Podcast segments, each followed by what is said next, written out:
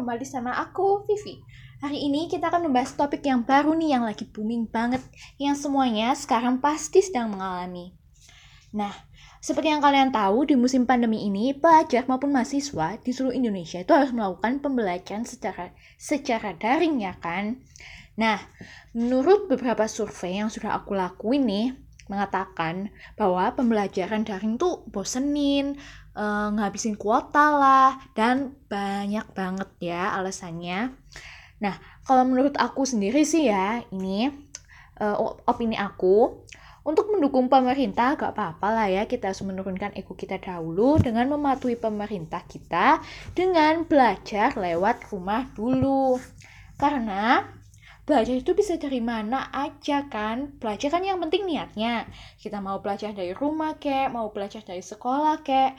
Asalkan kita semua semangat dan mau menuntut ilmu semuanya pasti berjalan lancar. Oke listener? Oke. Kita lanjut.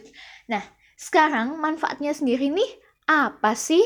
Kita kan tadi sudah membahas beberapa survei mengatakan bahwa belajar dari rumah itu kan membosankan nih.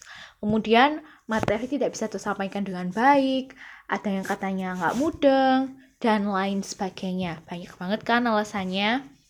Uh, tetapi menurut aku sendiri, manfaat dari daring tuh justru banyak banget loh. Yang pertama, kita bisa belajar secara mandiri. Kita tuh bisa menakar kemampuan kita untuk belajar sejauh mana sih kita bisa belajar secara mandiri yaitu dengan mengajak kita diri kita sendiri gitu loh untuk nggak males nggak menggantungkan diri dengan orang lain. Apalagi menggantungkan diri kepada guru kita kan. Kan karena yang belajar itu diri kita bukan guru kita. Kan? Terus kan enak nih belajar bisa lebih simple dan deadline-nya itu bisa lebih panjang. Eh uh, eh tapi kalau deadline ini ya tergantung guru dan dosen masing-masing lah ya. Misal nih uh, kalau kalian ketinggalan karena sakit contohnya atau kegiatan yang kegiatan lain yang harus mengharuskan kalian untuk ikut kan kalian ketinggalan. Tapi kita bisa mengikuti pelajaran secara full. Kan namanya juga daring. Kan ya bisa dilakukan di mana saja. Nggak itu juga. Biasanya kan diberikan video pembelajaran tuh.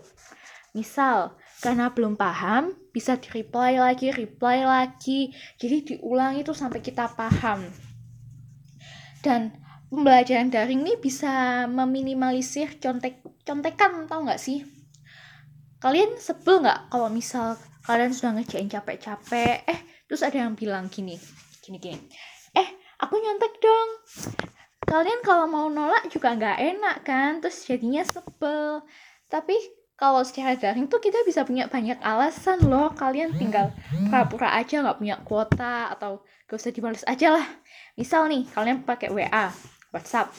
Tinggal lights-nya itu dimatiin read kalian dimatiin. Seru nggak tuh?